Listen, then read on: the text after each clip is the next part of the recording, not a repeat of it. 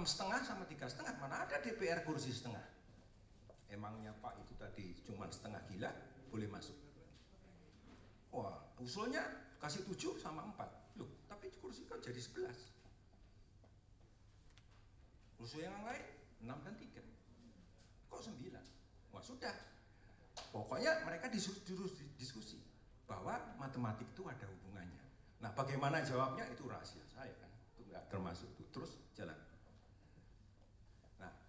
nah ini kesimpulan dari semua yang tadi adalah politik di dalam demokrasi itu ternyata adalah hal-hal yang menyangkut dengan urusan publik. Jadi misalnya kalau ini partai A, B, C, D membangun jalan misalnya. Partai A maunya gitu, jalan itu jangan begitu, partai B gini, terus LSM ini maunya gitu. Yang penting bagaimana mereka secara konsensus menyelesaikan problem. Itu yang disebut politik. Kalau diajarkan anak-anak Jerman. Terus ya Pak. Nah, satu lagi. Nah, anak-anak kelas 8 juga diajarinya definisi politik model Amerika. Di Inggris atau di Anglo-Saxon itu politik dibagi mempunyai tiga dimensi. Politik, politik, polisi. Jadi politik itu menyangkut apa aturan main. Jadi kayak undang-undang dasar 45. Bukan, politik itu kerangka, undang-undang dasar, konstitusi, aturan main, undang-undang. Itu politik. Kalau polisi itu kebijakan, program, ya kan, bagaimana menyelesaikan persoalan segala macam. Itu polisi. Kalau politik itu adalah pergulatan. Jadi bukan hanya soal kekuasaan, bagaimana supaya keinginan kamu terpenuhi gitu. lewat perang bisa, konsensus bisa, lewat itu. Nah ini anak-anak kelas 8 SMP Jerman diajari terus. Jadi kalau diteruskan, yang kelas 9 disebut proses. Nah kalau yang untuk 17 tahun ke atas bisa Anda lihat nih. Langsung bahwa itu politik. Jadi politik itu kalau mau diterjemahkan langsung, politik itu adalah realisasi polisi dalam kerangka politik, ya kan? Melalui politik. Itu politik. Definisi terbaru. Definisi sekarang. Di, di Jerman, di Barat begitu. Karena itu kepentingan Jerman adalah sebagai contoh mengharapkan warga negaranya berpolitik dididik sejak umur 8 tahun, kelas 8. Untuk bisa menangkal bahaya otorianisme Hitler atau Paluarit. Jadi ada anak-anak umur 10 tahun nanya ingin jadi politisi. Didukung. Karena di Jerman itu ada lembaga negara yang independen, lembaga pendidikan politik. Dia bukan di bawah kementerian, dia independen. Tugasnya kayak saya juga boleh minta brosur segala macam. Jadi itu persoalan politik, ya kan? Nah, kalau di Indonesia ini adalah WA teman-teman saya insinyur ITB. Yang ngomongnya, ya tuh demi NKRI bangsa eh tidak boleh politik-politikan. Saya terus lihatnya juga sedih kan, karena saya di sana lihat ini udah pensiun, ngirim kalau WA ngirim apa? Saben pagi. Eh, itu pak, ayat-ayat Quran. Kan pusing saya. Saya bilang, loh saya bilang gini, apa ndak telat sekarang alim? Kalau alim itu dari sejak muda, kayak saya. Dulu saya sholat rajin. Sehingga pahala, pahala saya udah besarnya. Sekarang yang saya pusing bagi pahala. Kalau saya bagi pahala, dapat lagi pahala. Jadi miliarder saya bilang. Wih ini sopan pagi. Dulunya seneng luar masuk pelacuran. Sekarang alim semua, persis mau mati. Ya kan? Mestinya kan tidak begitu. Nah, gue teruskan. Nah ini yang gadis berusia 10 tahun ingin jadi politisi didukung, terus kok disuruh belajar demokrasi segala macam terus. Nah tapi dijawab oleh negara. Nah sekarang saya langsung bicara soal humor politik. Humor teori tentang teori humor saya tidak perlu bicara lah ya. Tapi khusus tentang humor politik. Kalau dari kacamata orang Jerman, orang politik itu punya dua peranan penting yaitu istilahnya emansipatoris revolusioner tahu. Saya nggak tahu apa humor pernah bikin revolusi ya tak kedua konservatif. Yang emansipatif revolusioner itu apa? Humor bisa juga mendidik. Yaitu nanti kita akan saya akan bicara soal satir kan? Dia bisa mendidik dia bisa menjelaskan keadaan. Terus kalau konservatif ini kalau konservatif ini memang kadangkala humor itu bisa memasrahkan keadaan jadi menstabilisasi sistem itu juga uh, bisa oleh karena itu ada peristiwa yang mengatakan bahwa humor terbaik tentang Helmut Kohl kanselir Jerman selama 16 tahun dan Stalin adalah produk dari partainya sendiri. Dicurigainya begitu. Mereka yang bikin, ya kan, supaya rakyat bilang ya sudahlah. Bahkan Putin sekarang kalau anda lihat Putin itu ada khusus dari biro presidennya itu bikin humor tentang Putin. Sifatnya manipulatif. Jadi humor ini kayak angpo aja kan, bersisi dua itu tergantung ya silahkan. Nah, kalau humor politik, humor politik kita bicara humor politik, ya, humor politik itu dalam penelitian terakhir dibagi enam jenis. Humor politik kritis nomor satu, nomor dua humor untuk semuanya, nomor tiga itu bersifat kisah-kisah humor, itu biasanya ditulis dalam buku ya kan, terus yang nomor empat itu ada humor gerilya segala macam. Terus humor untuk kalangan sendiri. Nah yang ingin saya bicarakan hari ini itu terutama humor kritis. Kalau yang lima lainnya menurut saya tidak penting. Kalau yang untuk humor untuk semua mungkin anda bisa lihat di apa stand up komedi gitu kan. Kan bedanya stand up komedi yang termasuk golongan kedua itu dengan satir misalnya itu kalau stand up comedy itu biasanya suka cerita dirinya sendiri keadaan itu kan. Kalau satir itu ini memang paling top lah di barat juga gitu. Itu punya ciri empat ya bisa teruskan cirinya empat ya. Agresi dia tuh langsung nyerang. Dia langsung nyerang terus langsung bikin penilaian dicampur kalau di Amerika campur tertawa. Campur tertawa terus ada permainan? Belum ya. Belum belum. Masih tadi. Ada permainan. Nah kalau Jerman tertawa itu tidak penting. Tertawa tidak penting ya kan? Dan permainan juga tidak penting. Yang pen, kalau Jerman itu faktual. Makanya itu satir dengan dengan stand up comedy itu bisa dibedakan begini. Kalau stand up comedy orang bicara dirinya sendiri keadaan sekitarnya. Kalau kalau Fatir enggak dia langsung nembak sasaran ya kan terus nah untuk Jerman khususnya itu ada tribata satir nomor satu harus penulis satir harus punya idealisme karena memang dia selalu membongkar keadaan yang buruk yang tidak ideal dengan yang ideal ya kan kedua tidak boleh bohong.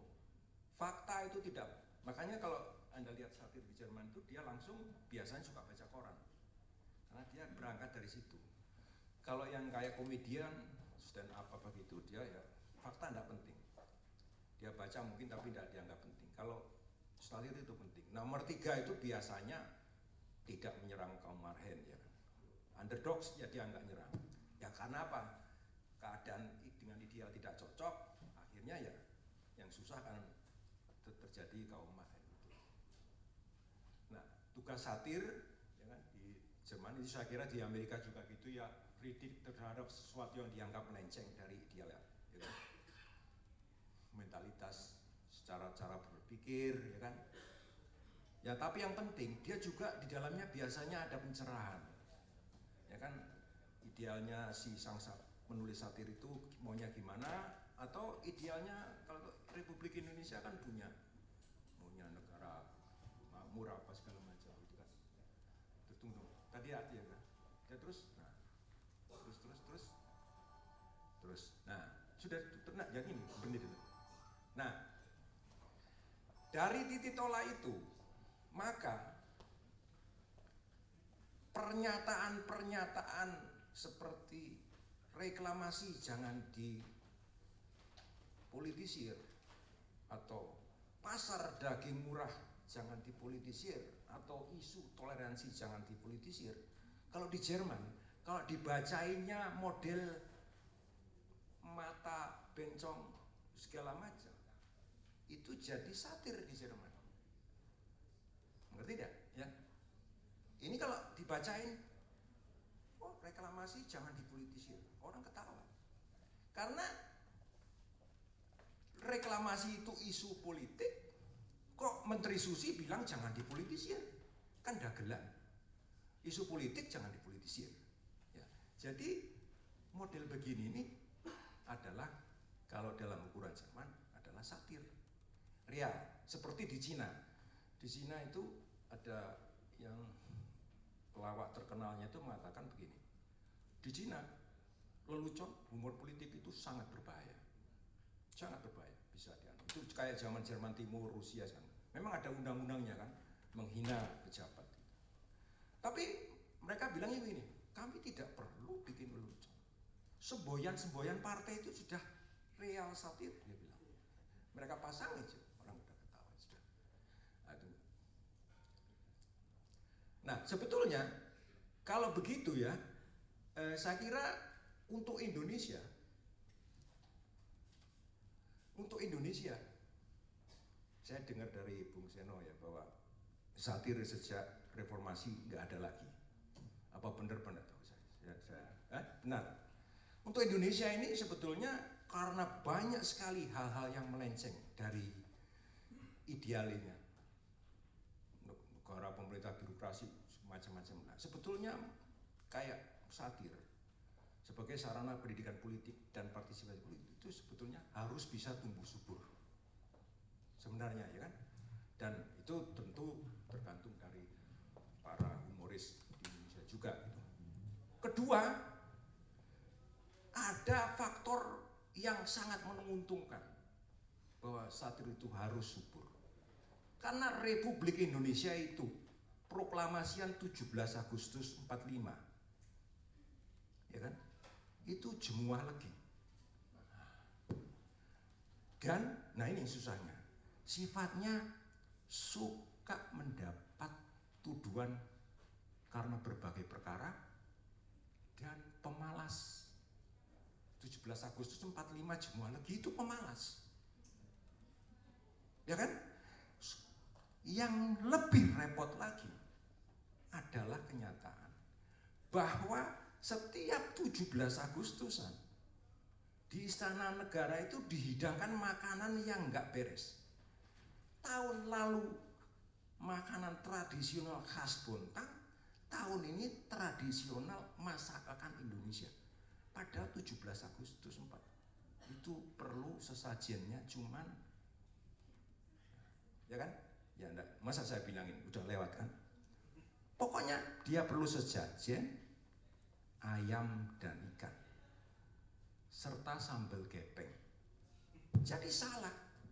Makanya karena salah itu Jokowi itu berbuat telah berbuat in apa namanya itu mistisional. Ya kan? Dia telah berbuat in mistisional. Saya kira sebegitu dulu ya. Mudah-mudahan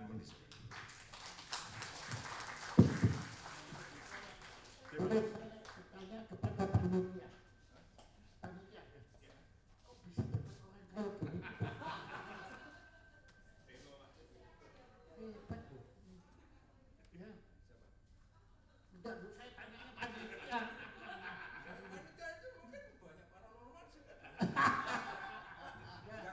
Jangan, jangan, anu Pak. Saya ini kebetulan ketika itu paspor saya dicabut oleh Eyang Harto. Alasannya mengganggu kepentingan nasional. Tapi istri saya tahun mulai tahun 91 karena istri saya warga negara Jerman dia bisa pulang. Dia nggak tahu mungkin karena sangat cinta pada saya ya kan. Ya selalu bawa oleh oleh saya itu ini majalah misteri. Nah, majalah misteri. Ya itu, wah itu soalnya soalnya saya kan dulu waktu saya SMP senengnya saya main jalan lengkungan. Nah, di Jerman nyoba jalan lengkungan nggak masuk masuk nggak bisa itu.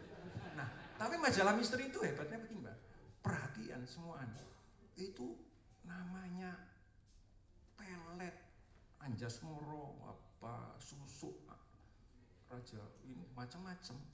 Itu makin tahun makin berkembang.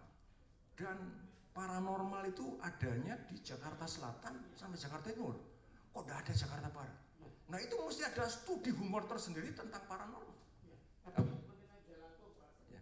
Ya. saya waktu di Jerman sempat mengadakan penelitian para psikologi eksperimen gelato. Berhasil. Datang. Dan waktu itu yang datang mendadak arwah teman saya. Dan ternyata benar dia tahu semua tentang saya. Saya sampai kaget. Kemudian setelah selesai saya makin heran lagi. Karena apa? Karena paman saya belum meninggal sebetulnya. Yang anehnya di situ, arwahnya bisa datang gitu loh. beliau. Ya oke, enggak.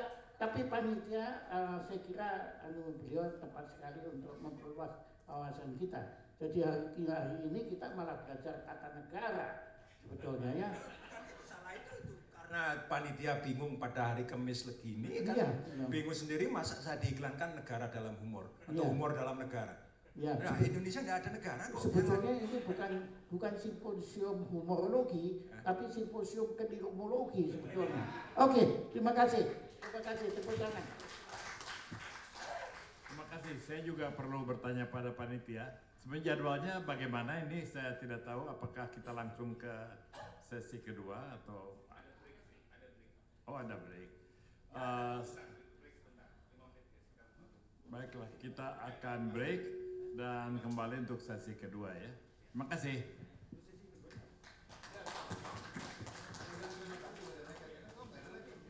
Untuk pembicara dan eh, moderator mohon jangan meninggalkan tempat dulu karena ada pemberian eh, eh, merchandise dari panitia yang akan diserahkan oleh Bapak Dani sebagai salah satu founder dari eh. Untuk Bapak Ibu eh, kami persilakan untuk break sekitar 10 menit untuk sholat dan ada- Sebelum break kita menyatakan apresiasi kepada saya. Terima kasih. Terima kasih banyak. Oke. Ya.